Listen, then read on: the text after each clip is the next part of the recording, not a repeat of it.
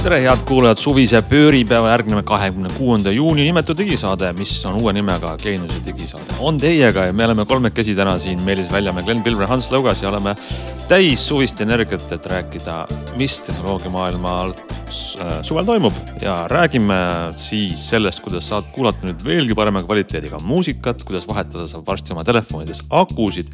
milline on üks väga moodne viis, kuidas oma kodu automaatselt roboti abil puhtana hoida, et põrand oleks pestud ja tolm imetud ja ägedad uued kellad, mis on meil randmetel olnud ja mis äh, võib-olla võiks olla teie järgmine kell.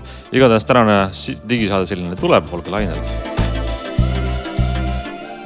no äh, hakkame siis saatega peale ja tegelikult ei ole midagi nii väga unine see suvi, kuigi võiks arvata, et on puhkused ja kuigi poliitikamaailmas on võib-olla siin jaanipäeval äh, kõvad sündmused, siis tehnikamaailmas midagi uut ei toimu. tegelikult on meil saatekava paksult asju täis, vaatame, mis me täna rääkida jõuame ja ma luban kõigile, et me ei räägi sellest, kuidas Mark Zuckerberg ja Elon Musk hakkavad äh, boksivõistlust pidama puuris, mis on ka muide tõsi.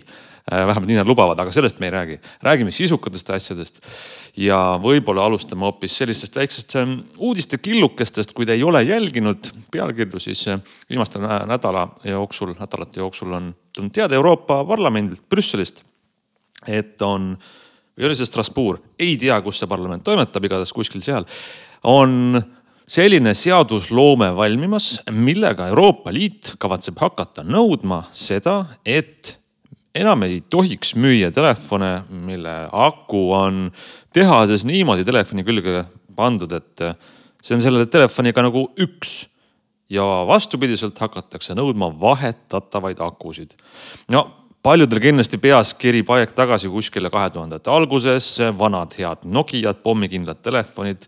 kui midagi oli, võtsid aku tagant ära, panid teise aku sisse, sa võisid isegi akusid vahetada, mäletate seda aega see oli, see oli kihvt ja kõik see ju kadus nutitelefonide äh, arenguga, telefonid on muutunud väga õhukeseks.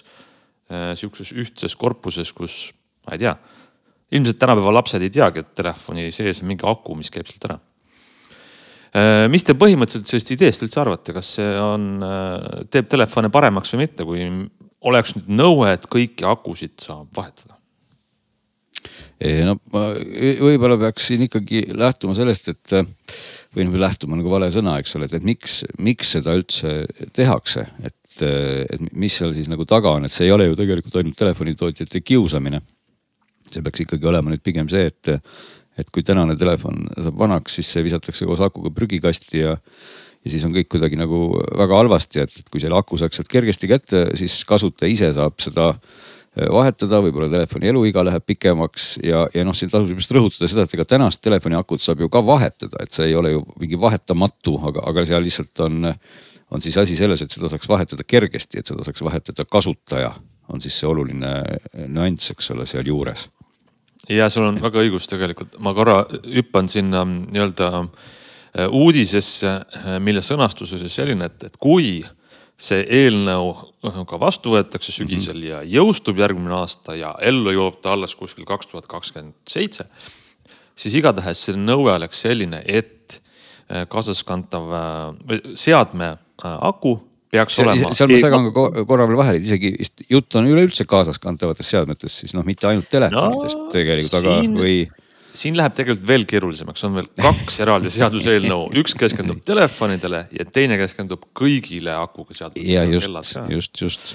aga telefonide puhul siis peaks olema selline aku, et lõppkasutaja, mitte mingi teeninduspunkt, vaid sina, mina, meie saaksime selle eemaldada, kas siis täitsa ilma tööriistadeta, mingi nupust klõps käib lahti või ähm, tavamüügis olevate tööriistadega kujutame siis ette, ma ei tea, mingit no, äh, Philipsi kruvikeeraja või noh, mis need, mis need on, torks või, et ei ole mingi erikruvid ühesõnaga.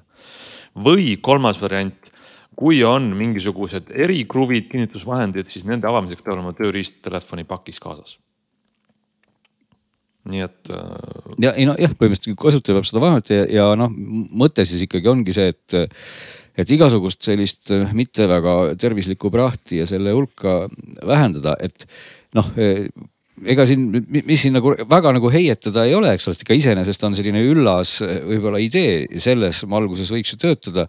aga, aga noh, teistpidi teeb see ju loomulikult telefonitootjate elu keerulisemaks. mis see nagu tarbijale nüüd tähendab? ega kui meil olid telefonid, millel aku või millel nii-öelda siis käis tagant gaas ära ja akud välja tuli ega me ei olnud sugugi ju kurvad, me ju rääkisime ka nende telefonidega ja ei olnud nii, et me saime kogu aeg köögilaua taga kokku ja vandusime, et miks me peame kogu aeg kaane ära võtma või et tegelikult see ei olnud ju probleem.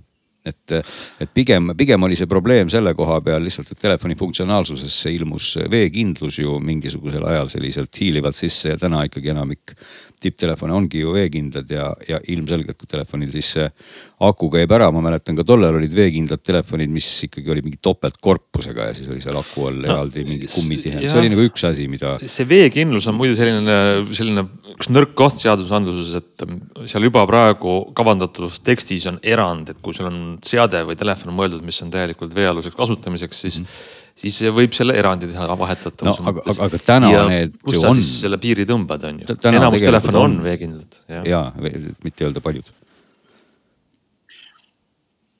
seal on veel minu arust selliseid agasid ka, et ega nad ju ei ütle, mismoodi see telefon peab olema vahendatud või mis vahenditega, et võib-olla tulebki nii nagu see Apple'i praegune paranda ise programm, et sa saad, sa saad osta endale mitme tuhande eest mingisuguse hunniku seediku no,. teistpidi, teistpidi ikkagi see nõue on see, et see peaks olema selle telefoniga kohe kaasas, et, et vaevalt nüüd keegi eh, tõesti paneb iga telefoniga kaasa mingisuguse liimi ja, ja püstolite komplekti, eks ole. ja see on ka nõue, et ei tohi olla mingisuguse äh, soojusenergiaga eemaldatav aku, et sa lihtsalt sulatad liimi lahti ja pärast oled siis hädas, et kuidas liimi tagasi no, saab. siin võib-olla paralleeli tasuks ju mainida, et eh, ka seesama USB-C saaga ikkagi on ju alguse saanud just selliselt äh, ametnike poole pealt ja, või, või isegi noh, ütleme kogu see no, laadimispistikute standardite surumine, mis ju kokkuvõttes on teinud võib-olla tarbijat isegi rõõmsamaks, eks ole, kui, kui.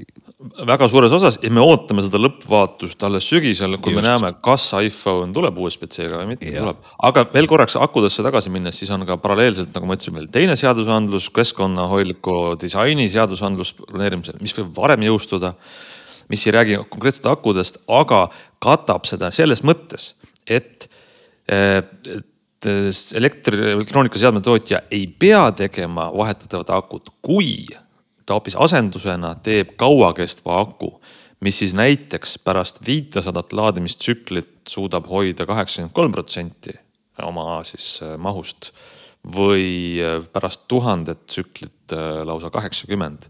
et noh see on selline nagu mm, asendus, et olgu, sa ehitad aku sinna sisse, aga teed ta väga kauakestvaks.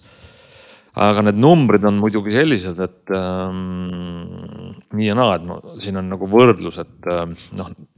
Oppo on teatavasti üks tohutu, üks, üks sellise aku innovatsiooni e-, eesttooja maale, kellel on vist viimased numbrid olid, et ühel telefonil oli aku, mis äh, säilitas kaheksakümmend protsenti mahust pärast tuhat kuutesadat laadimistsüklit, mis on nagu väga kõva. seevastu iPhone'i puhul äh, ei pea see seda kaheksakümmend kolme protsenti vastugi pärast viitesadat tsüklit. no ühesõnaga, see on selline nagu kogu see seadusandlus on väikeste parameetrite ja, ja pisik, peenes kirjas olevate nõudmiste järgimine. aga minu arust kokkuvõte võiks olla see, et kahju oleks, kui ähm, puhtalt selle aku regulatsiooni tõttu telefonid muutuvad jälle kovakamaks, muutuvad äh, mahukamaks, muutuvad mm, õrnemaks, et, et sul ta ei ole enam nii vastukindel või veekindel. et loodetavasti on siit mõistlik kompromiss tulemas. ei, seda kindlasti ja muidugi rõhutama peaks ikkagi, see pool see, see pool sellest nõudest, et see aku oleks vastupidavam, on iseenesest väga tore pool, sest kellele ei meeldiks võib-olla telefon, mille aku peab kauem vastu. ja, ja ega see, see number ei olnud ka mingisugune utoopiline, et seesama tuhat ja, ja kaheksakümmend protsenti ja see on ju üsna piiri peal, sest ega täna noh, kui me vaatame suurema akuga eh, jutumärkides telefone, mis on elektriautod, eks ole, siis et neid garantiisid ju just akudele nimelt antaksegi, eks ole, aga noh, seal on muidugi mhm. -huh. akud on väheke suuremad ja ilmselt väheke paremates tingimustes saavad oma asju ajada kui telefonidel, kus nad kipuvad väga kuumaks minema ja ja võib-olla inimesed laevad neid mitte siis nii optimaalselt, aga. nii et ei, ei, ma ka nagu kohe ei tõmbaks siis vett peale ideedele, sest ikkagi mulle üldised ideed maailma päästa tegelikult nagu meeldivad, et, et selles mõttes noh, midagi tuleks ikkagi teha, et asjad läheks paremaks ja, ja kui see prügi hulk väheneb ja pärast akud on vastupidavamad, siis tegelikult on ikkagi paremini jah, noh, tead, maailma päästmine on ka selline, nii tead, lihtne viis, kuidas äh, nagu. Ei no vaatad, kahtlemata. mis jama on, parem on, ärme teeme hullemaks seda asja, nii et võib-olla siis äh, akusid säästes. aga mm, kuulame tulevikus paremat muusikat ka loodetavasti, sellepärast et veel üks uudis. Äh, kuulujutt ikkagi siis ametlikult mm, -hmm. sest ametlikku uudist veel ei ole, tuleb Spotify'lt. Ehm, Spotify'l on teatavasti praegu tasuta teenus kus sa saad kuulata reklaame ja saad äh, kuulata albumite kaupa või, või ei vali täpselt lugusid. siis on tasuline teenus, kus sa saad ise valida, mis lugu kuulad. siis on äh, perekonnapakett tasuline, kus sa saad siis palju kasutajaid panna kokku. ja nüüd on Spotify juba tükk aega sisemiselt väikse ringiga katsetanud ja on varsti välja toomas uut mega super hüper äh, paketti no see uudis muidugi noh, iseenesest äh, variseb üsna ühe rea uudiseks kokku, sest see mega super hüperpakett peaks siis lihtsalt olema parema kvaliteediga ja noh, tänapäeval parem kvaliteet ei ole siis mitte midagi muud kui, kui vana hea CD kvaliteet ja ja, ja noh, nüüd küsimus ongi, et. ma tahan, hakkasin naerma, sest et ma oletan, et on palju inimesi, kes ei mäleta, mis asi on. vana hea CD kvaliteet.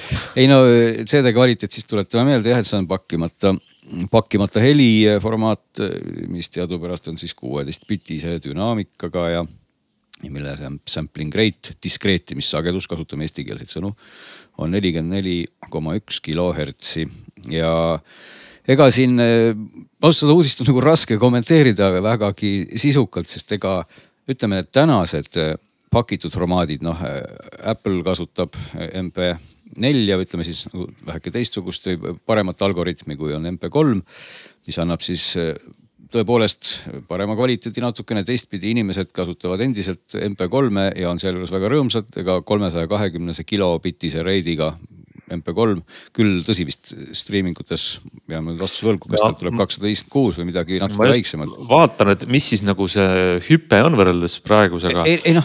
Spotify'l, Spotify, kui sa tasuta kuulad, siis -hmm. antakse sulle sekundis sada kakskümmend kaheksa kilobitti. see on siis see kõige lahjem, just, just. kui sa kuulad premium'is, sulle antakse sekundis kakssada viiskümmend kuus mhm. kilobitti. just, et noh, teoreetiline maksimum oli kolmsada kakskümmend ja, ja kas äh, Spotify kasutab midagi muud, mitte MP3? ei no AC peaks olema, siis ta on ikkagi ka MP4, jah. sõltub natuke tegelikult ka rakendusest, kust kuulata, et see, see on siis AAC tuleb üle brauseri mm. -hmm. Et, aga äh, spetsiaalsest äpist tuleb siis. MP3 ikkagi. vaat siin nad, ma ei, nad on seda varjanud, mis no, see siis täpselt on? see on seesama, äh, nii mina mäletan, et, et äh, Vorbis oli see kunagi räägitud. no ühesõnaga siin, see on seesama vana jutt kogu aeg, et MP3 on halb ja siis me peaks seda hi-res mingisugust asja müüma ja kasutama ja ma ütleks, et see pehmelt öeldes ajab äh, mind, kes ma olen ikkagi ka tegelenud natuke audioga, selles mõttes nutma, et äh, MP3, kui ta on kahesaja viiekümne kuue kilobitise reidiga on tänapäevase muusika jaoks nagu väga-väga, noh väga okei okay. ja seda tõestabki see, et inimesed, miljonid ja miljardid seda rõõmsalt kuulavad, et kui natuke kerida ajalugu tagasi, siis tegelikult sel ajal, kui tulid välja iPod ja hakkas see taskuhääling või, või taskumuusika ikkagi oma metsikut võidukäiku tegema. samal ajal üritasid Sony ja Philips teha super audio CD-d just selle mõttega, et inimestele maha müüa ideed, et et ikkagi CD kvaliteet ei ole veel nii hea ja teeme siit ikka veel hüppe edasi.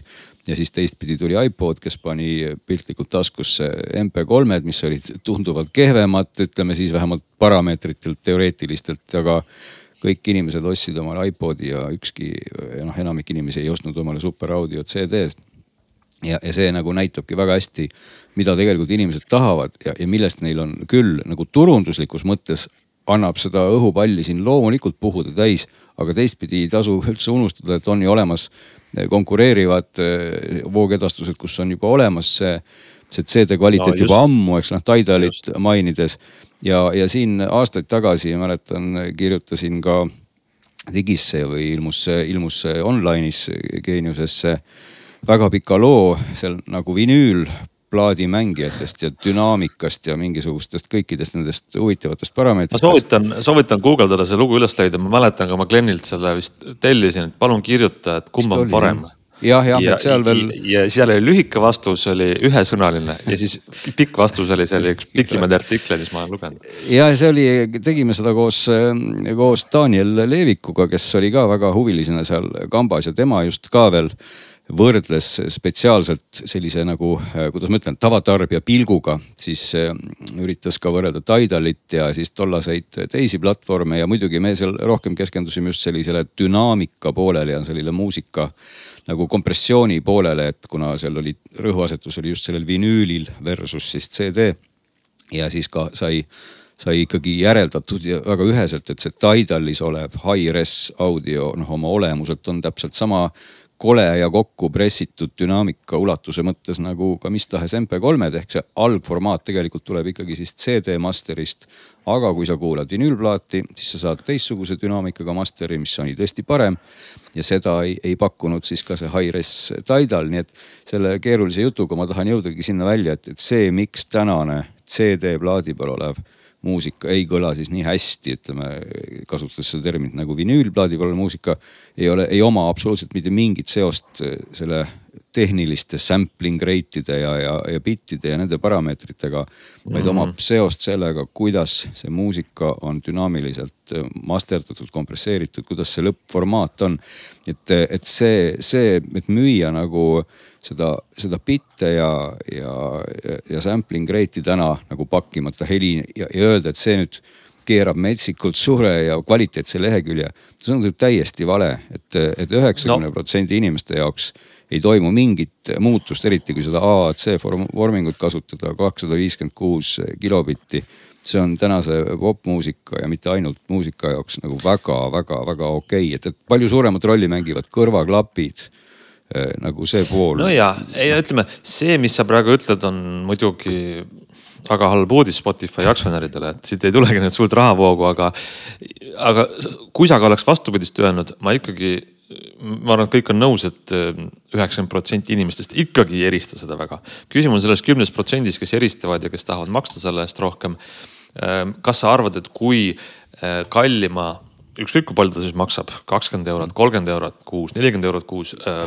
paketiga kaasneks ka nendest äh, muusikaalbumitest või siis ütleme kataloogist mingisugune teine master ehk siis see algversioon oleks seda toetav. ei no seal, seal oleks erist, ma, erineks ma ütleks, et, et siis oleks nagu justkui tasuks müüa mingit imelikku paketti, et me pakume vinüüli master'id sulle online'is.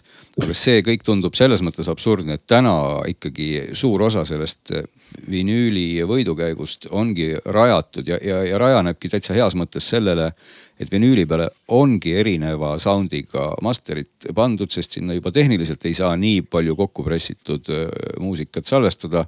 sest vinüül tehniliselt ei, ei noh, ei, ei, ei taha seda teha ja siis läheb kõik koledaks. ja, ja nüüd, et pakkuda online'is vinüüliplaati nagu kvaliteeti on selles mõttes väga endale jalga tulistamine tootjate või noh, ütleme muusika väljaandjate jaoks igal juhul, sest et täna on ikkagi võimalus seda vinüüli nagu tükina müüa ja ausalt öelda, et see on ägedam, see on teise sound'iga, inimesed selle ostavadki. ja kes mm -hmm. muidugi netis ringi vaatab, siis ju noh, peaaegu igast vinüülist on võimalik ka vinüüliripp leida omale kusagilt siis mm -hmm. vähem legaalselt. ja, ja seda ka ju kasutatakse, mis, mis nagu veel kord näitab, et ega siis digitaalne konverteerimine või digitaalne muusika digitaliseerimine ei tee seda kuidagi halvaks, vaid, vaid halvaks teeb selle see, milliste vahenditega me seda muusikat seal mm, digitaalses või siis mittedigitaalses maailmas äh, töötleme, eks ole uh. Mhm. -huh. aga, aga, aga noh, siin võib-olla võrdlusena mul ei ole kohe isegi võtta äh, võrdlust, et palju Tidal täna küsib selle eest, mida igaüks võib muidugi kohe vaadata oma high-res audio eest, et, et kuhu see nagu konkurentsilatt selle hinna mõttes asetub, et, et selles mõttes ma ei taha no, nüüd jätta nagu muljet mm., on sul kohe vastus võtta? ja mul on kohe vastus võtta, et kui sa tahad nüüd tuhat nelisada kilobitti sekundis mm. -hmm. see on siis see äh, CD, CD kvaliteet. CD kvaliteet on seitse eurot kuus ja no, neil on ka siis uuem versioon, kui sulle tuhat neljasajast ei piisa, siis on ähm, valikus äh, osa muusikast saadaval kuni üheksa tuhat kilobitti sekundis mm. -hmm ja see maksab neliteist eurot kuus no. See... mis on palju odavam, kui ma arvasin muide. ja absoluutselt, ma tahtsingi sinna tegelikult jõuda, et Tidal ei küsi sellest üldse mingeid ulmesummasid, mis ongi väga okei lähenemine selles mõttes, et kui inimene tõesti tahab seda CD kvaliteeti või ka noh, seesama viimane number, mis sa ütlesid, peaks siis superaudio CD maailma hakkama jõudma otsapidi ja neid, neid salvestusi on ju maailmas tegelikult olemas kõvasti, et tõesti inimesed, kes kes tahavad seal kuulata selliseid, kuidas ma ütlen siis klassikalisemaid või, või nüüdismuusikalisemaid asju ja, ja, ja, ja on ka igasugust sellist akustilist kraami superaudio formaadis ju ka kõvasti-kõvasti liikvel. et seda pakkuda sellise raha eest on absoluutselt mõistlik, et kui hakata lihtsalt sellest küsima mingisugust ülemäärast raha ja öelda, et see on CD kvaliteet. noh, see kuidagi ei tundu mulle väga noh, nagu jätkusuutlik mõte nii et vot selline lugu siis, et ma ei tea, kes peaks siis rõõmustama või, või kurvastama. Sellel, tegelikult sellel toolil, Spotify toolil on üks jalg veel, et eh, nimelt selles paketis peaks kuulujuttude järgi vähemalt olema siis ka audioraamatute tugi eh, selle hinna sees, eks ole, et. Eh, nüüd tekib küsimus, kui palju neid inimesi, kes tahavad korraga kuulata HIF-id ja on huvitatud ka audioraamatutest, mulle tundub, et need on suhteliselt erinevad seltskonnad tegelikult. ja noh, see on keeruline sest et praegu pakub ka Spotify mingil määral audioraamatuid, aga, aga mitte selle kuumaksu sees, vaid need tuleb eraldi osta siis. Ja, ja noh, me teame, et, et siin neid audioraamatute müüjaid on teisigi, aga kuna Audible äh, Amazoni poolt mõni, mõne kümmekond aastat tagasi ära ostetud maailma suurim audioraamatute platvorm on nii monopoolne ja, ja nii palju eksklusiivseid lepinguid on neil, et, et on neil väga palju raamatuid, mida teistel ei ole, siis äh, küsimus on, et kui palju teised sinna vastu saavad, et kui, kui edukas see Spotify'l on ja minu arust nende kahe asja nagu kokkusidumine ühte kallisse paketti. no eks Spotify nagu selle kohta ilmselt tahaks võtta võimalikult palju raha ja üritada siis nagu näidata vähemalt, et selle eest saab võimalikult palju asju, eks ole, et yeah. ma ütleks veel selle, võib-olla selle ühe sellise väikse reminder'i kvaliteedi mõttes veel siia lõppu, et et kui me räägime muudkui aga sellest algformaadist ja, ja bittidest ja reitidest, siis väga paljud inimesed ka täna kuulavad ikkagi oma muusikat üle juhtmevabade kõrvaklappide, mis omakorda või, või noh, mis tegelikult kasutavad ka äh, põhimõtteliselt siis äh, kokku pakitud äh, tehnoloogiat, kust ka sinu, sinu noh teos või mida sa kuulad, tegelikult käib sealt läbi igal juhul. ja juhul isegi, kui sa kuulad seda tegelikult äh, kusagilt Spotify'st või kuskilt mujalt juba algformaadina MP3-na siis teda ei pakita topelt kokku lahti, et tegelikult, mida ma selle keerulise jutuga tahtsin öelda, on see, et, et kui sa võtad selle CD kvaliteedis asja ja kuulad seda juhtmevabade klappidega, mis tegelikult kasutab näiteks SBC koodekit, mis on siis see Bluetoothi kõige selline tavalisem ja levinum koodek, mida endiselt väga palju kasutatakse. siis see sisuliselt MP3-stab sinu heli piltlikult öeldes juba seal faasis niikuinii ära, aga, aga noh, keegi justkui selle üle väga ei kurvasta. ja nagu viimased testid siin kõrvaklappide osas näitavad päris paljud tootjad isegi on, on näinud nagu tagasi, et nii mõnedel on, mõned, mõnedki on ära võtnud seal mingisuguse high, high, rohkem high-res koodeki nagu siis aptX või noh, Sonyl on LDAC, eks ole, et aga siiski on, on paljud tootjad, kes oma nendesse nuppudesse või nööpidesse panevad ainult AAC-d või SBC-d ja, ja keegi otseselt ei ütle, et oi kui halb on. ilmselgelt on jah, turg on kitsas. see on sellepärast, et äh, nii LDAC-i eest Sony kui Aptixi eest Qualcomm tahavad raha saada ja ega odavate klappide eest väga ei taheta raha maksta. ja noh, tegelikult on nüüd olemas uus äh, koodek, mis on siis nii-öelda Bluetoothi standard, mis on LC3, mis peaks SBC-d asendama mm, -hmm. aga millal me sinnamaani jõuame, et see päriselt tegelikult nagu SBC ära asendab, see võtab. ei no eks arvan, see ongi nagu seesama, me jääme ringiga, jõuame algusesse tagasi, et see on tegelikult seesama asi, et, et inimeste, enamike inimeste kõrvade jaoks see, mis täna toimub, on väga-väga okei okay. ja, ja lihtsalt tootjad tahaks saada rohkem raha ja teistpidi seal ikkagi noh, ei saa öelda, et see ka päris vale on, et CD kvaliteet on ju parem ikkagi kui MP3, aga, aga küsimus ongi, et kas see on piisavalt palju parem, et sinna nüüd masse taha saada kõr-, suurema raha eest ja see on see koht, kus ilmselt vastus kipub olema nagu ei nii on. kuulge, aga lähme uue teema juurde, parem räägime sellest äh, nüüd muusikast hüppame kodu juurde ja kodu äh, korrashoiu puhastamise ja robotiteni. sest Meelis, sina testisid ühte masinat ja mina olen selle masinaga ka tuttav, nii et meil on äh, selline huvitav ähm, äh, väike arvustuse võimalus? Ja vahe on selles, et äh, mina olen seda testinud lühikest aega, eks ole, siin nädal aega vist maksimaalselt ja sina oled seda kasutanud kauem, et tegemist on siis Xiaomi X10 pluss robot tolmuimejaga, mis on selline noh, mina panin oma ülevaatele pealkirjaks kompromiss laisale inimesele, kuna tegemist on mingil määral ikkagi kompromissina ja, ja samas ta on sihuke konkreetne laisa inimese pill, sest et ta on nii automaatne, kui üks robottolm olla saab, eks ta teeb kõike põhimõtteliselt ise ja seal on väga palju positiivseid omadusi ja väga palju negatiivseid omadusi ja kumb võidab, see on keeruline öelda, et äh, alguses ma mõtlesin, et ma ei soovita seda robotit. Siis kuna siin Geeniuses on teatavasti see formaat, kus me peame ütlema jah või ei, siis ma esimese hooga mõtlesin, ma ütlen ei.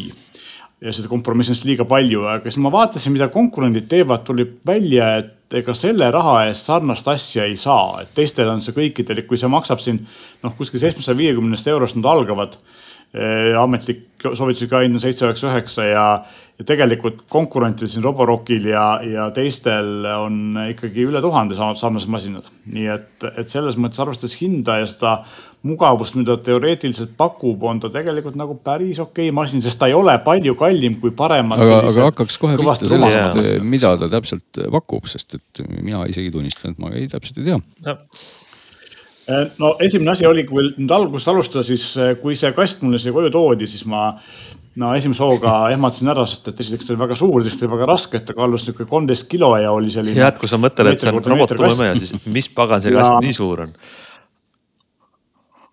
just, et ka kasti sees, mis ta nii suureks teeb, on siis suur dokk, äh, mis sisaldab äh, kahte veeanumat, mõlemad kaks pool liitrit suured, üks on siis puhta vee jaoks, teine musta vee jaoks ja lisaks on tal see alumises otsas on selline luuk, mille all elab tavaline paberist tolmukott, samamoodi nagu on tolmuimejatel tavalistel.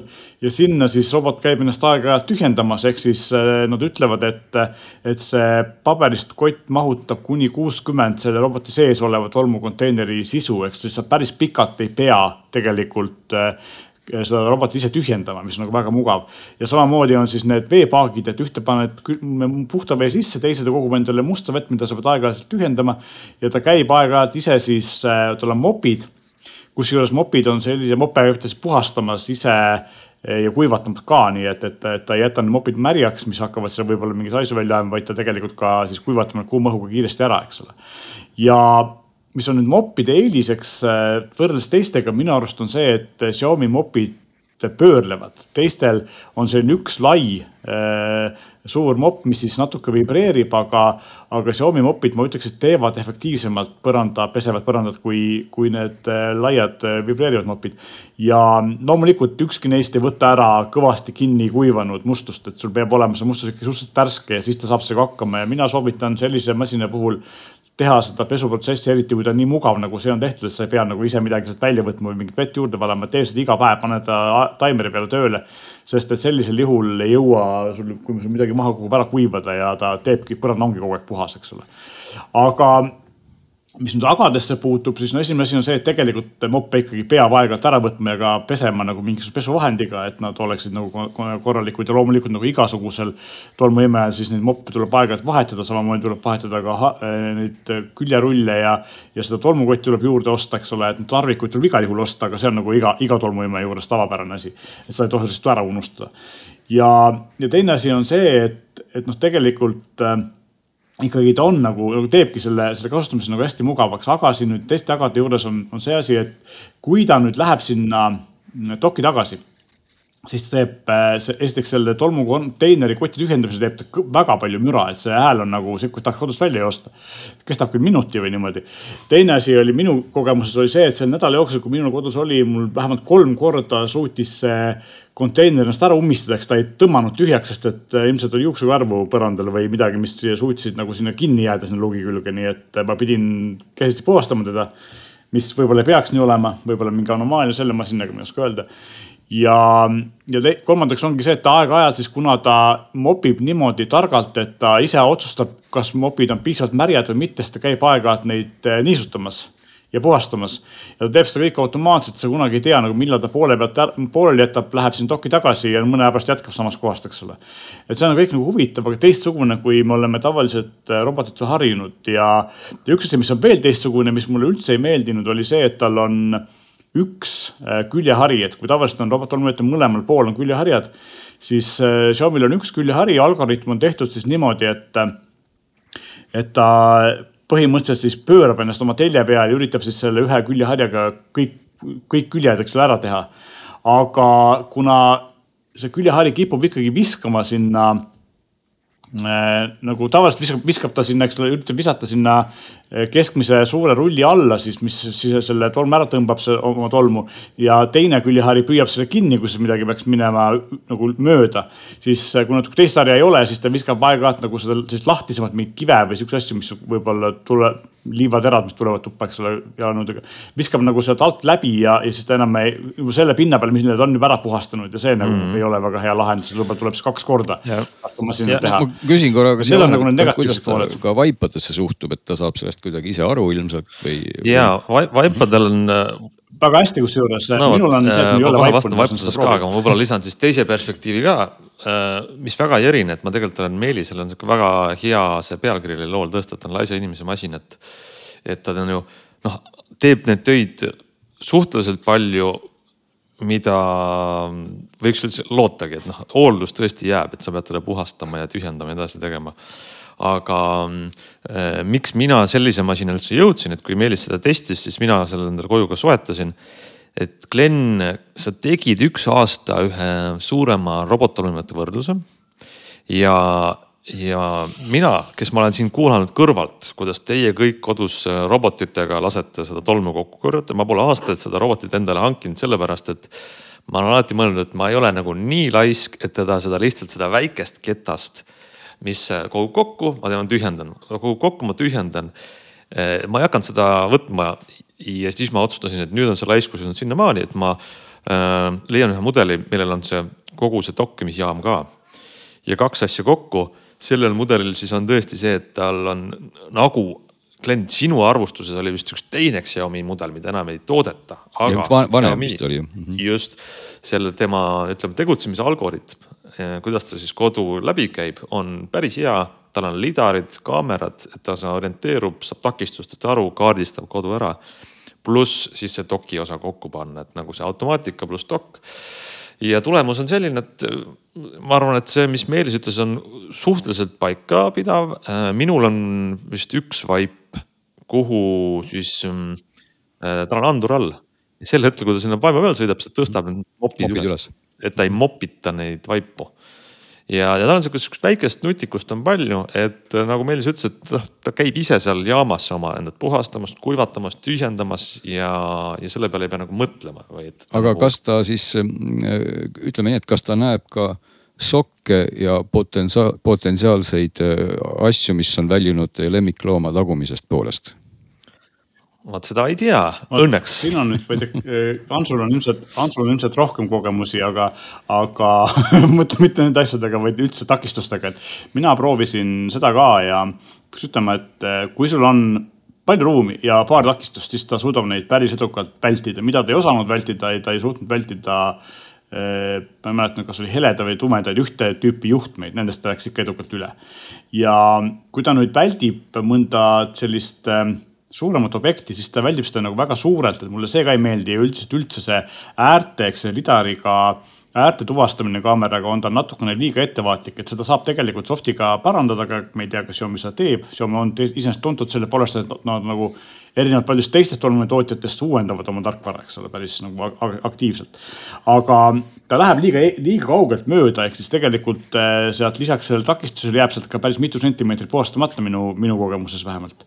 ja et see mulle nagu ei istunud ja kui seal on nüüd rohkem asju maas, et noh, neli-viis asja suhteliselt ligidal üksteisele, aga nii kaugel, et robot ikkagi mööda mahub neist no, nende vahelt siis ta lõpuks ikkagi läheb nagu lolliks või, või ta nagu ei saa enam aru ja siis ta üritab, lõpuks sõidab ikka. mina, mina jällegi ütleks, et, et ähm, jah, mul ei ole seda testi, seda väljaheite testi tehtud, kuna mul ei ole lemmiklooma.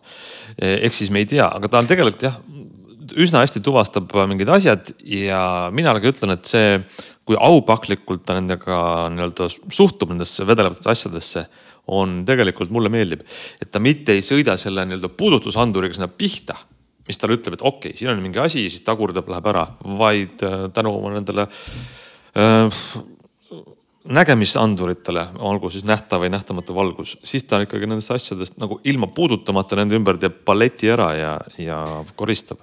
no siin võib-olla siis lisaks seda oma mingit laiemat perspektiivi, kui mis oli küll mõne aasta vanune et ega tegelikult see pool, et nüüd tolmuimeja seda lemmiklooma teemasse aupaklikult suhtub eks see on ka natuke selline hea turundustrikk, sest noh, need, kellel ikkagi on kodus lemmikloomad, teavad väga hästi, et, et see ei tähenda, et sul kodus on, ütleme otse välja sita hunnikud, tegelikult see nii ei ole. et, et ega siis lemmikloom reeglina oma asju tuppa ei tee ja muidugi, kui see mõnikord peaks juhtuma ja su tolmuimeja selle kõik laiali ajab, siis ilmselgelt on on vähemalt sul aastasündmus nüüd käes, on ju. aga, aga tegelikult seal paljud nendest tolmuimejatest, ütleme enamik tol, tol hetkel ikkagi olid sellised, millel siis nagu päris seda visuaalset kaamerat ikkagi ei ole, et seal on need kaugust hindavad sensorid pluss siis mõnel lidarid. et, et need, millel on kaamerad, noh ütleme tuntum nendest on, on iRoboti Roomba kes just nimelt on siis sellisel tehisnägemisel kogu aeg oma navigatsiooni edendanud ja just nagu lidari poolt ei taha kuidagi eh, tolmuimele peale panna. enamik teisi tootjaid on läinud seda lidari teed ja pigem ei pane kaameraid küll aga, aga näiteks noh, Roborock on ju üks selline äh, kuulsamaid ja paremaid äh, brände, kellel on ka valikus äh, nagu see kombinatsioon kaameratest, noh päris kaameratest ja, ja lidarist, eks ole, neid on veel teisigi. ja ma millegipärast isegi arvan, et Xiaomi'l võiks ju selline mudel olla, mul praegu ei ole nende mudeli kataloogi kohe ees. kas tal on, tal on päris kaamerad, mis vaatavad visuaalselt ringi, eks ole, mitte siis siis, siis ta peaks, noh kui neid kaameraid on eriti kaks või rohkem, et siis noh, ütleme, mul on endal Roborocki kogemus, millel on ka need kaamerad seal ees. ja ma peaks ütlema, et, et noh, tol ajal, tol hetkel võrdluses oli küll niimoodi, et Roborock suutis ikka sokist sõita mööda noh, peaaegu millimeetri täpsusega. et, et, et kui ta nägi sokki, siis ta tegi sellest loomulikult ka pildi nagu ka Rumba tegi, teeb pilte, nii et pärast, kui kui Roborock on tulnud koju, siis mul on näha terve pildikataloog eh, erinevatest asjadest, mida siis robot on üritanud ära tunnistada ja vahele jätta. et, et seal on siis mingid sokid ja juhtmed ja, ja noh, küll mõnikord ta ikkagi ka juhtmeid proovib nagu õgida aga, aga ta teeb ikkagi noh, ta suhteliselt hästi neid asju väldib, eks ole. tõsi, siin meil oli vist ka kusagil mingis saates sellest juttu, kas rääkisime Eelis või noh, ma olen seda oma testides ka alati täheldanud, et et üks selline asi, mis ikkagi robotitele teeb äh, nagu äh, peavalu, on, on, on triikimislauad, millel on siuksed imelikud jalad, kus siis jalg on paralleelne maaga vahepeal ja. ja siis on osad robotid, kes tõesti arvavad, nad ronivad sinna peale ja siis ei lähe neil seal peal väga hästi. jah.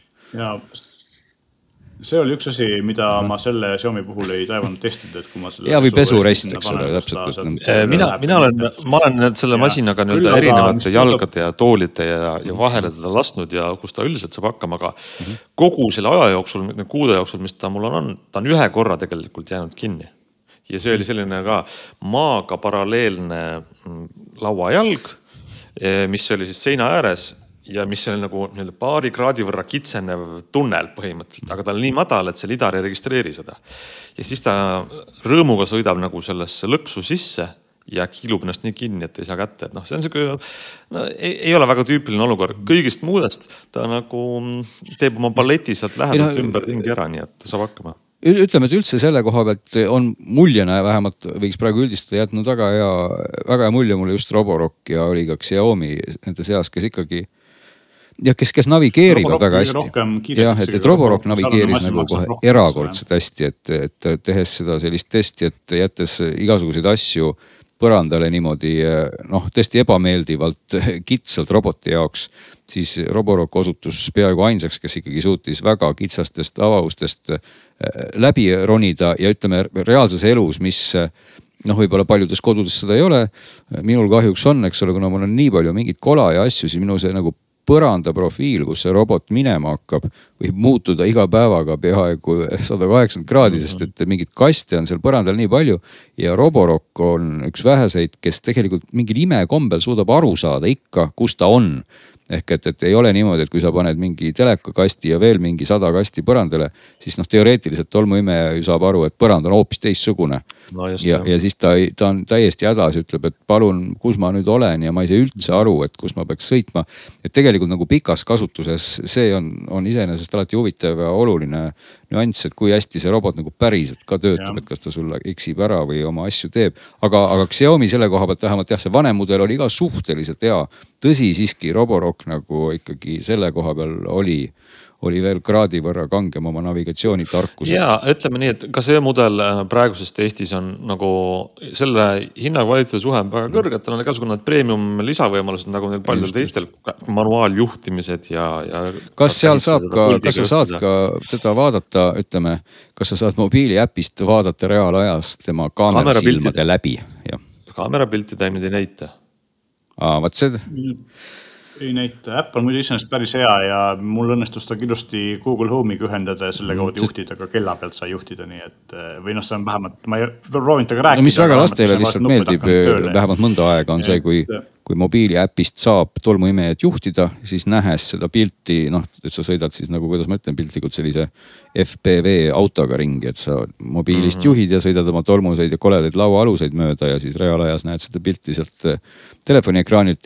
ja saad ka siis tolmuimejaga ka rääkida, või noh, ma mõtlen selles mõttes tolmuimeja kõlaritest kostab sinu hääl, kui sa sinna mm -hmm. midagi kisad ja see, aga noh, päriselus ilmselt väga paljud, noh kes nüüd sellepärast ostab tolmuimeja, neid väga palju ei ole, aga, aga omadusena on see iseenesest äge, kui see mõnel, mõnel on, et sellel kallimatel roborokkidel on see olemas, millel on kaamerad ja et sa saad siis luurata. aga küll tolmuimeja sel ajal, kui ta on luuramisrežiimis, ütleb ikkagi kõva häälega, et ma nüüd luuran. et see on see koht, kus võib-olla muidu juhtub niimoodi, et mõni pereliige näeb kodus midagi sellist toimumas, mida ta võib-olla ei tohiks näha, kui tolmuimeja ei ütle kõva häälega, et, et ta nüüd luurab kaks asja, mida ma tahtsin siia lõppu öelda, et me jäime pooleli vaipade juurde, et äh, vähemalt kirjas on siis niimoodi, et ta äh, suudab tuvastada tõstab selle äh, mopi seitsme millimeetri kõrgusele ja suudab tuvastada kuni või minna üle kuni viie millimeetri paksustest vaipadest. kui vaip on kõrgem, siis sa saad valida äpist režiimi, et ignoreeri vaipa ja siis tast ei lähe vaiba peale, eks ole. ja teine asi on see, et mis puudutab vaipasid, siis kui sul on väga paksud, tohutult paksud vaibad, äh, mida väga tihti küll ei esine, aga aeg-ajalt ikkagi on, siis neid ei puhasta mitte ükski robot, et äh, vahet pole. aga kas ta läheb ka üle ukse piitude madalate? ja sellega on, mul on nagu mul mitu uksepiite, sellega oli ka vahva lugu, et ta üldiselt on päris agressiivne ronija aga ühel uksel on mul selline piit, kus ühelt poolt on justkui trepiastmestik ja teiselt poolt on siis kaljusein. mis on täpselt paari millimeetri võrra kõrgem kui tema see lävend, millest ta üle suudab ronida. nii et kuigi ta üldiselt on väga tubli, siis, siis mina tegelikult lõpetasin sellega, et ma otsisin kõik Eesti poed läbi ja ei leidnud äh, sellist äh, nimetataksegi põhimõtteliselt kummist selline künnis, äh, mis aitab väike, selline neljakümne viie kraadise nurgal olev väike kummiriba, mis aitab tal üle ronida. ja muidugi, mida Eestis ei ole, siis Amazonist leiab, aga, aga see oli ka noh, temale kuskil poole, poole nii-öelda näo kõrguseni piltlikult öeldes olev uksepiit, et muidu ta ronib päris tublisti ja mis lidarisse puutub, siis äh, lidar tegelikult on üllatavalt hea selles mõttes, et tal on sama probleem nagu kõigil lidaritel, et mul on e, e, üks äh, peeglitega seinakapp ja siis ta arvab, et see peegli taga on veel teine ruum. seda teevad kõik lidariga asjad. aga, aga samas lidariga ruumi skännimine ja mm. selle kaardi joonistamine esiteks ülikiire, palju kiirem kui teistel, mida mina näinud olen ja teiseks ta on kõvasti täpsem kui teiste, mida ma näinud olen, võib-olla see kaamera aitab ka seal kaasa, aga igal juhul siin üks teine robot, mida ma olen kasutanud, äh, natukene tavalisem, ka lidariga mudel, teeb seda palju aeglasemalt ja palju kehvemini, nii et, et selles mõttes see, see koht on. nii on, igatahes huvitav masin ja sellega ma olen nõus, et võiks tal olla ideaalselt lisa, lisakülgharja, sari veel mõlemal pool, mis lükkaks. ega, ega. Ja. ma ei saa aru, ma ei ole. ma, ma ütleks vastupidi, et see on, et enamik robotil on üks hari, aga on mõned, millel on kaks et. No, mina ei ole veel, ma olen. minu testides on olnud ikkagi enamik alati, no ütleme kahega on, on sellised uuemad tulijad pigem, et, et noh, Roomba on ühega, Roborock on ühega, Xiaomi on ühega nii et ma ei tea, võib-olla on mõned, mis on kahega, Vorwerk on ühega jumal, mul ei tule nimesid rohkem meelde. aga, aga fakt on see, et, et ega ja, tegelikult ei, ei jää äh, üldiselt tuba tolmuseks. Äh, aga kui on hullem, hullem koht, siis sealt tuleb mitu korda üle sõita küll, nii et selles ei, mõttes. ta on üks, ühe võrra nõrgem. kuulge, aga selline oli siis ülevaade, kes tahab laisa inimese robotit äh, koju tolmima ja pesema masin töötab ja ma võin siis öelda, et ma olen pikas testis, et ma vaatan, kas selle asja hooldus pikemas perspektiivis ka ära tasub või on selle laisa inimesel tuleb ükskord hakata lõivu maksma ka selle eest. aga räägime nüüd, äkki jõuame rääkida mõnest kellast ja võib-olla ühest vähemalt. Ehm, milleks on nüüd jällegi see väga tuntud kellabränd nimega Mobvoi. Meil on natukene irooniline, aga ainult natukene, sest et mõnede jaoks on see juba päris tuntud ja teiste jaoks on see täiesti tundmatu kellafirma um, milline Mobvoi meil siis proovis oli? Mobvoist võiks alustada selle koha pealt, et Mobvoist me just natuke rääkisime siin seoses selle kellavõrdlusega, mis ma ühel hetkel tegin, kus siis oli, oli kell nimega, mille ma, ma, see nimi oli nii pikk, see oli Mobvoi no. TicWatch GPS Pro kolm, mis iganes, seal oli veel sõnu. ehk et selle nagu võtmesõna oli siis oli kolm ja, ja, ja see oli Moboi tippmudel ja see tol hetkel oli siis just selline mudel, mis, mis siis vahetus välja Moboi uuema mudeli vastu, siis ei olnud see uuem mudel veel kohale jõudnud, nüüd on siis jõudnud kohale uuem mudel, mis enam nii pika nimega ei ole, mille nimi on lihtsalt Moboi TicWatch Pro viis. et nad on sealt igasugused GPS-id ja, ja muud sõnad ära jätnud ja, ja kui sellest Eestis äh, mulle see Mobvoi meeldis kohe väga, aga ta maksis ka muidugi kakssada eurot millegagi. ja, ja noh, ta oli Wear OS-iga või siis noh, Google'iga kell, ütleme lihtsalt et äh, Google'i opsüsteemiga ja, ja seetõttu oli seal äpi valik väga-väga okei okay ja väga lai. hind oli tal väga hea ja tal oli ka väga tore selline vähemalt noh, paberi peal väga innovatiivne ja, ja praktikas kandis natukene juurde akule on siis see topeltekraani lahendus, et seal on üks kiht on LCD, vedelkristall, ekraan mustvalge ja siis teine kiht on all Oled ja siis, kui ta on sellises tavarežiimis, ta näitab ta kogu aeg selle LCD-ga sulle pilti, tõsi, selle kolme LCD oli ikkagi noh, loetavuselt mitte kõige parem, eriti noh, kui ei olnud veel väga valge ja ja valgus ei põlenud, siis sa peaaegu seda ei näinud, aga ta süütas selle taustavalguse põlema üldiselt, kui sa käe tõstsid ja, ja noh, minu arvates see oli nagu kasutatav. aga nüüd, kui selle viie juurde jõuda, mida me Meelisega mõlemad siin oleme natukene äh, proovinud. noh, minul oli nagu võrdlusmomendina olemas see, see eelmine Mobvoi, noh, enamik inimestel muidugi seda võrdlusmomenti ei ole, selles mõttes ei, ei oma see ka ilmselt eriti äh, nagu sisukat äh, kaalu, kas seda nüüd selle eelmisega peaks võrdlema aga, aga see LCD ekraan on nüüd viiel täpselt samasugune, küll aga on läinud oluliselt paremaks, et Meelis mulle juba jõudis öelda ja ilmselt jõuab ka siin öelda kohe, kuidas talle see LCD ekraan ei meeldinud, sest sealt ei ole midagi näha. et ma ütleks, et võrreldes sellega on sealt väga palju näha, kui kolme, kolmega võrrelda, et, et viiel see LCD ekraan on ikkagi selline, mis vähemalt taustavalgusega, seal saab panna valge valguse ka, valguse värvi saab valida et kui sa paned valge taustavalguse, on ta tegelikult täitsa loetav ja ta süütab selle lupsti kohe põlema. küll on seal jah, selles LCD ekraani peal on siis fikseeritud sümbolid, millest kellaaeg on ilus, väga suur ja digitaalne. aga kõik muud sümbolid on seal tõepoolest nagu üsna tillukesed, et ta näitab tegelikult kogu aeg samme, näitab sul pulssi, aku, äh, noh protsenti, eks ole et, et need teised numbrid ei ole nagu liiga suured, et nad võiks tõesti olla suuremad kui seda, seda poolt vaadata, aga iseenesest see, see lahendus on nagu hea ja ta annab siis natukene juurde, ta ei anna küll väga palju muidu üldse aku kestvusele juurde. aga ta ikkagi annab midagi juurde ja aku on muidugi asi, mida peaks selle kella puhul ka kindlasti mainima, et kui seni on ikkagi olnud, olnud nagu Huawei kellad, need väga super vastupidavusega, noh Huawei'l just need GT mudelid, siis ega Android või mitte Android, vaid Wear OS-iga kellad nagu ka Apple'iga kellad ikkagi hiilgavad sellega, et aku ei pea peaaegu üldse vastu, eks ole, et kui me vaatame Google'i enda kella nimega Pixel, siis see on umbes samasugune nagu Apple'i kell, et ikkagi iga päev sa pead seda laadima.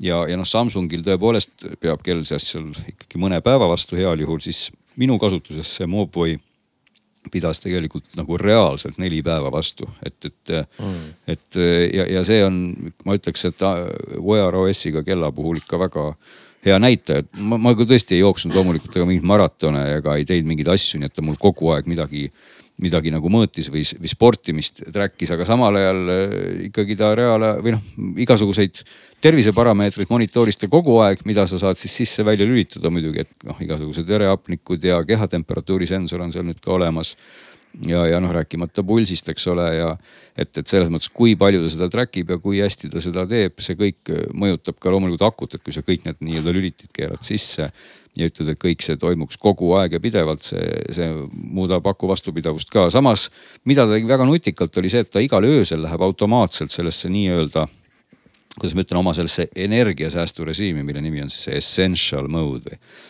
et. Äh, ta öösel ei võta siis akut peaaegu või? no ta võtab seda väga vähe jah, et, et muidu on, sa saad selle essential mode'i või noh, ütleme selle akusäästu režiimiga aktiveerida. kui sa tahad, siis ta lülitab enamik asju välja ja, ja teeb ka seda igapäevaselt, kui sa ei taha seal mingeid nutiasju justkui kasutada või noh, patareisäästu režiimina, eks ole, aga aga, aga see, et ta läheb öösel sinna mode'i, siis hommikul ta sealt välja tulles, ta läheb natukene aega, et ta puudib tegelikult selle, selle õige Wear OS-i siis nagu jälle ülesse, üles ja, ja muutub siis jälle väga nutikaks kellaks.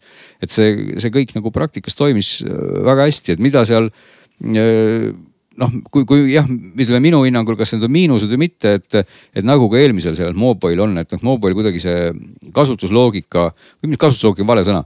et, et Mobile selle asemel, et kellas oleks justkui üks äpp, mis sul võib-olla siis seal näitaks sinu, ma ei tea, und või mingisuguseid kõiki muid asju, tal on iga väikse asja jaoks nagu oma äpp, mis, mis muudab nagu selle, selle nii-öelda äpi sahtli kuidagi jube kirjuks esimesel pilgul, et sa pead kuidagi järjestama, mida sa tahad siin vaadata, sest seal on mingi mustmiljon asja, mis kõik algavad sõnaga Mobvoi et, et, et stiilis uh -huh. tick või oli see mingi tick watch, mingi sleep või eks ole, mis iganes tick watch exercise ja ja, ja nii edasi, nii edasi, et neid, seda, seda kraami on seal palju, sest kui sa lisaks tõmbad sinna veel oma Wear OS-ist äh, metsiku koguse asju, sest noh, äppe on ju saadaval palju.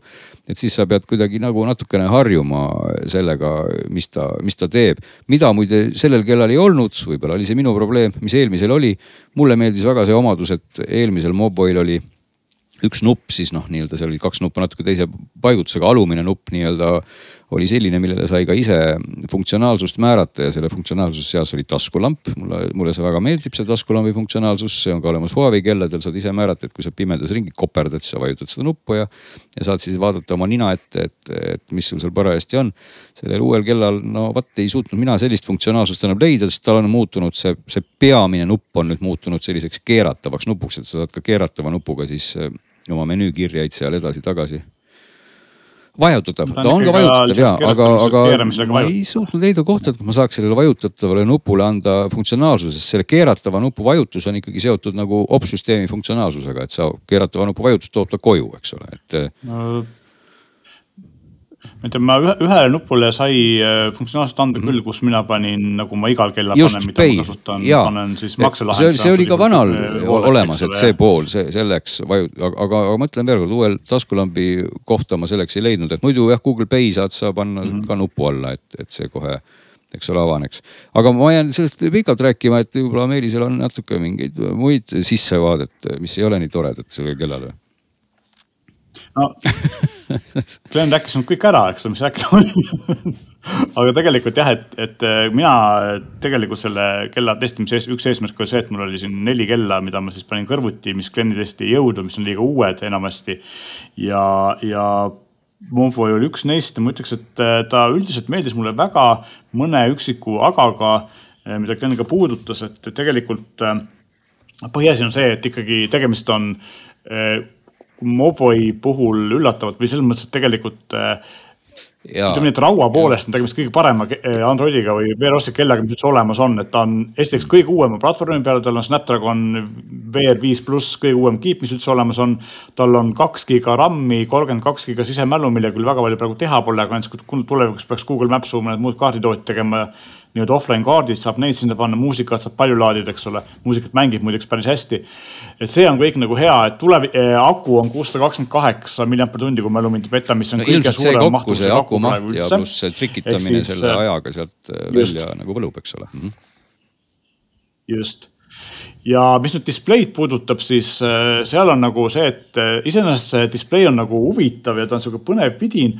Aga ma ei ole sada protsenti veendunud, kui palju ta nagu reaalselt kasu annab. jah, ta annab nii palju kasu, et, et kui me võtame nüüd selle Mofi kella ja selle Samsungi kella, mis mul käe peal on, siis ma sain ka Mofi kellaga sain noh, kolm-neli päeva, eks ole. et neli, ütleme nii, et see kell, see display annab. ma isegi ütleks võib-olla vähem, no ma isegi ütleks võib-olla isegi vähem juurde, ta annab, ta annab, no ma, ma selle uue puhul muide seda niimoodi ei jõudnud testida seda aega, aga seda eelmist kella ma proovisin ka kasutada siis mm. ilma selle LCD ekraanita ja ma proovisin ka kasutada niimoodi, et oli siis kogu aeg Oled ekraan nagu ja, ja tõepoolest see LCD ekraan võiks nagu, tunduks nagu võiks ta rohkem anda juurde, et ta ei andnud nagu nii palju juurde, kui võiks nagu arvata, et ma isegi ütleks, et kui ta nüüd ühe päeva annab mm. juurde, on see võib-olla tõesti väga hästi, et, et pigem võib-olla isegi natukene, natukene vähem, et, et aga midagi ta ikkagi annab.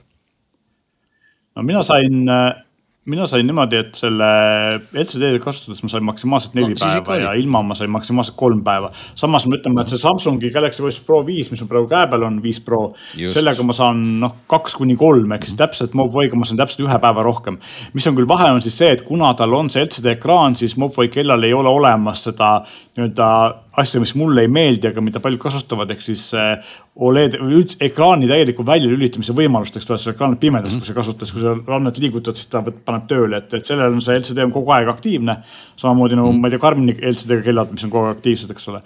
mis puudutab seda LCD kvaliteeti, siis see on nagu huvitav, et eh, jah, see kellanumber on seal hästi loetav, hästi selge kõik muu info, mis on, kuupäev ja, ja muud asjad, pulss ja mida ta pärast näitab, on nii pisikesed, et mina pean ikka väga süvenema, et seda sealt lugeda. samas on selle kellaaja ümber piisavalt palju vaba ruumi. ja, ei no ja isegi LCD ma segan vahele, need LCD teine... pole isegi pikslid, nad on tegelikult täiesti traditsioonilised nagu, nagu elemendid. see on nagu täitsa kummaline, et noh, et see on nagu, see on nagu vana mm. hea vedelkristall ekraan, eks ole, kus on nagu kandilised numbrid ja kuhu oleks võinud kandilisi numbreid suruda palju suuremana veel, et, et, et see, ma sellega olen nagu täiesti nõus, aga, aga ma ikkagi lisaks, et see kvaliteet on tunduvalt parem kui eelmisel Mobile, et kui keegi juhtumisi on eelmist näinud ja teab, siis ta on, ta on kontrastsem. see on üsna väike grupp vist. väike grupp inimesi, just nii ja mis, mis puudutab äh, nüüd seda jah, seda ekraani kvaliteeti ja valgustust, siis tegelikult ja. vaikimisi on ta sinine taustvalgustus äh, ilmselt sellepärast, et see on mingi Mopvoi firma värv ka.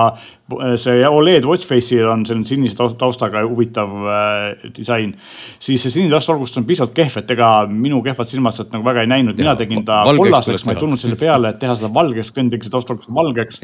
mis on nagu kõige, ilmselt kõige efektiivsem, eks ju, kuna ta on musta kõige kontrastsem. aga kollasega ma nägin ka piisavalt hästi, aga üldiselt jah, et ereda päikesevalgustus kaasuse käes või siis niimoodi, kui sa piisavalt hästi rannet liigutas, tegelikult nagu on, on suht kehvasti loetav. ja nüüd me jõuame järgmise asjani, mis on spordirežiimid, et äh, tegelikult on äh, siis äh, see LCD ekraan ka töötab ka spordirežiimides ja teeb sellist huvitavat asja, et kui sa oled määranud või ta ise automaatselt tuvastab pulsitsoonid ehk siis kui pingutuse tsoonis, siis äh, ta vastavalt sellele muudab taustvalgustuse värvi. et äh, kõige karmim tsoon on punane, keskmine kollane ja lihtsam on roheline ja nii edasi, eks ole. siis on huvitav kohe märgata ja samas saad ka selle keerata nupu pealt keerata siis, et mida ta näitab sulle, et muidu näitab spordirežiimis seda tavalist möödunud aega, aga sa panna, võid panna pulsi ja mingid muud asjad. aga see on nüüd kaks asja, et mulle tegelikult meeldib rohkem kasutada Oledi spordirežiimi puhul ja, ja ei ole võimalust, et ma saaks spordirežiimis öelda talle, et ära kasuta LCD-d või ma pean selle alati välja lülitama, alati sisse lülitama, eks ole, et ei ole nii, et spordirežiimis ignoreeri seda, muul ajal kasuta. see mulle ei meeldi.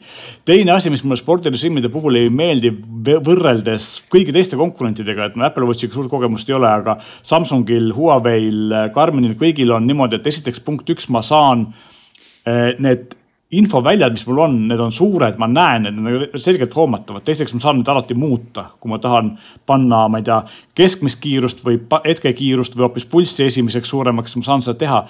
Huawei saab seda eriti hästi teha, Garmin saab seda muidugi väga hästi teha, sest ta on spordikell. ja Samsungil saab seda ka teha, Mobvoi seda teha ei lase. ja teine asi on see, et need väljad on ülipisikesed ja selleks, et neid näha, pead sa nagu silmi pingutama, et kui sa kergel jooksul või ma ei tea, jalgratta peal sõites korraks kergelt vaatad, sa ei märka, mis sul see kirjas on, et sa pead nagu pingutama selleks, et näha, võib-olla on see, et mul lihtsalt piisavalt kehvad silmad, aga. aga tegelikult see ei ole, ta ei ole nagu selles mõttes hea spordikell, et ta on loetavus ei ole väga hea, aga spordirežiimid on head, neid on palju ja mis on nagu muidugi okei okay,, on see, et tal GPS-i ja, ja pulsi eh, täpsus on parem kui Samsungi kellal. Samsung on sellega kogu aeg nagu nad ei taha, ei suuda seda nagu väga heaks teha, et nad kipuvad nurki lõikama. ma ütleks siia ka vahele, et ta on läinud ka oma täpsuselt äh, palju paremaks või vähemalt, kas palju, aga läinud paremaks võrreldes eelmise kellaga sammude track imisega. eelmine Mobvoi kippus tegema sind palju sportlikumaks, kui sa olid mm -hmm. just nimelt sammude osas, et oli hästi optimistlik. see uus ja. versioon on kindlasti äh, täpsem. see on muidugi väga. üks asi, mida ta muidugi üks asi, mida ta muidugi nagu täiesti suvaliselt mõõtis, minul oli VO2 max ehk siis see hapniku sisaldus, mida sportlased track ivad. muide ja, mina sain ka sealt aeg-ajalt ikkagi numbri, et ma peaks ka kohe tellima kiirabi või isegi juba ka auto, kes, auto, kes tuleb kirstuga, sest seal oli mul kohati seitsekümmend protsenti ja, ja kaheksakümmend protsenti. see on ikka väga halb hapniku no,. kui, sest sa oled elus, ma võin kuulajatele öelda, Glen on praegu siin mitte zombistunud. aga VO, VO2 Max, mis näitab siis vere, seda mm, hapniku omandamise võimet, mis on skaalas kuskil kolmekümnest kaheksakümneni, et eh, tippsportlastel olümpiaomadel on kuskil seitsekümmend, kaheksakümmend sinna vahemikku ja. ja normaalses vormis, head, heas vormis inimestel on üle viiekümne või, või viiekümne kandis. see mul näitab kohati viitekümmet kaheksat, ma tean, et ma praegu pisut kehvas vormis, mul tegelikult see reaalselt on kuskil seal alla neljakümne, eks ole. nii et, et ta ikkagi arvas, et ma olen palju paremas vormis, kui ma tegelikult olen. ma tahan siin korraks veel segada, sest ma tegin menüü lahti siin kellas just käe peal ja tahtsin ette lugeda oma väi-, oma nagu tõestuseks, mis ma jõudsin öelda, et, et siin on tikk baromeeter, tikk breathe, tikk care, tikk kompass, tikk exercise, tikk earth, tikk oxygen, tikk pulss, tikk sleep, tikk zen vot need on kõik tikk, et selle asemel, et, et ei ole ühte äppi. ja lisaks sellele on siis, äh, kui sa lähed spordirežiimidesse, siis spordialade all on iga jõuharjutus, ma ei tea äh, iga, iga põhimõtteliselt harjutus on eraldi, mitte ei ole ühe jõu, jõutrenni all, eks ole, et see on ka nagu kummaline. aga tegelikult ma tahaks enne, kui me selle teema lõpetame, jõuda sellele, mis on tegelikult elevant ruumis ja see on see, et VROS ja kogu see segadus, mis sellega toimub, et kui kunagi Android Wear tuli, siis Google juhtis seda kindla käega. kõik kellatootjad said ühe image'i, mida nad kasutasid ja, ja põhimõtteliselt kõigil oli täpselt sama tarkvara, täpselt sama äpp, millega seda sai juhtida. siis nüüd on niimoodi, et, et põhimõtteliselt Google ise ja Samsung suure tugeva partnerina on nagu eelistatud seisus, kes saavad kõige uuemad versioonid ennem kätte, aga kõik tootjad peavad tegema oma kasutajaliidesse või vähemalt oma äpid sinna, kui sa tahad mingeid tervise või muid asju teha või ostma Google'i käest Fitbiti lahenduse, mida keegi teha ei taha, see on väga kallis.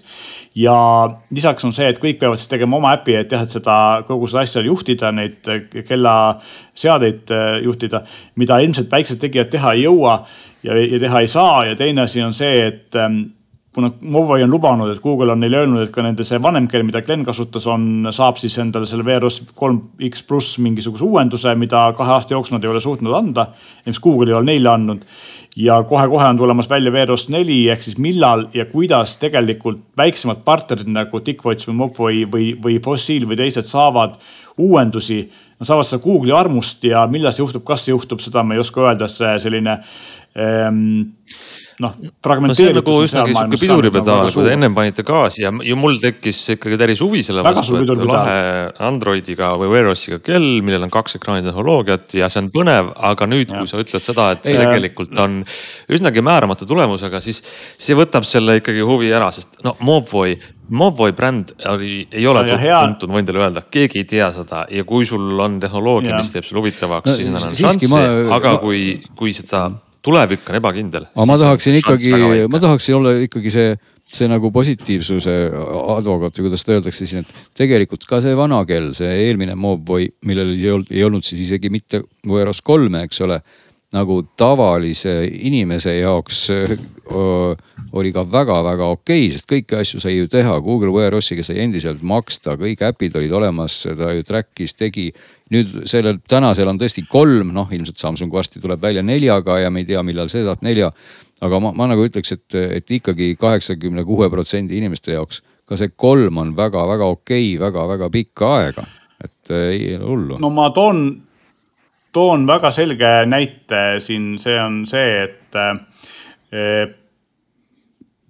ah,. vanal kellal oli Google Assistant, uuel ei ole ja, ja Google hoiab Assistantit praegu enda ja Samsungi jaoks seda lihtsalt väiksematele partneritele ei anna, ütleb kunagi tulevikus saate, aga millal, kes teab, eks ole. ja see on nagu jabur, teine asi on see, et me ei tea, millal Google ütleb, et vanem, vanematele. see, see, see, see oht, see, see oht kahtlemata on. ühesõnaga, see on nagu tegelikult segadus ja teine asi, mis puudutab seda fragmenteeritust, on muidugi see, et Samsungi kelladel on seal peal, ehk siis äh, tootjad saavad nüüd teha, vanasti nad ei tohtinud, nüüd nad saavad teha oma nii-öelda disaini muudatusi kogu sellele operatsioonisüsteemile. Samsungil on nagu telefonidel on ka kellal One UI peale pandud, mis tähendab seda, et kogu see liikumisloogika on hoopis teistsugune, kui näiteks äh, Karmini kelladel, Huawei kelladel, ka sellel Mobile'il tulevad teavitused, kui sa tõmbad alt üles, eks ole, näpuga, siis Samsungil tulevad vasakult paremale mm. -hmm. nii et. nii on, kuulge, me oleme oma eetrajast täna juba üle. ma näen, et internet täis, ma, ma tahtsin veel midagi selle kella kohta öelda, see midagi oli vist hind, et see uus äh, kell on tänases äh, poe, poeletis siis kolmsada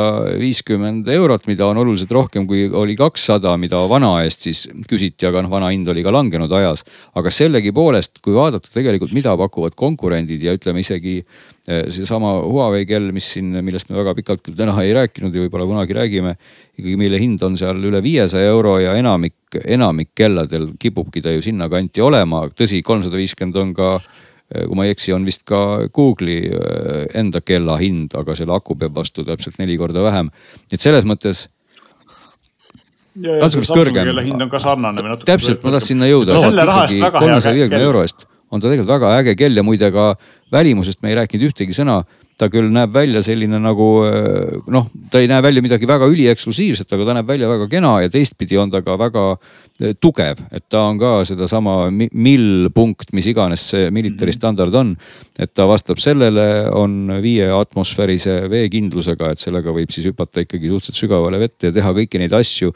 et selle, selle koha pealt siin ka mingisugust äh, Äh, kokkuhoidu sisulist ei, ei ole, et ta on, ta on väga-väga äge ja, ja tõsine nuti ja spordikell igas heas mõttes no see on hea, nagu meie saate mõte on toetada inimesi heade valikute tegemisel ja siin on kindlasti äh, mõttekohta nii hinna, funktsionaalsuse, tuleviku toe kui ka muu osas. Mobvoi siis Pro viis oli see, viis Pro. igatahes meie saateaeg on läbi, me ootame teid tagasi nädala pärast, aga seni, kuni teil on mõtteid, muresid, ideid, äh, kommentaare, küsimusi, siis te võite ka meile ka kirjutada digisaadet geenius.ee. meil üks hea lugejakiri juba ootab salves Sahvris, järgmine nädal räägime sellest. aga äh, ootame teisi kirju veel ja parimaid ka jagame. nii et aitäh täna kuulamast, olge tagasi nädala pärast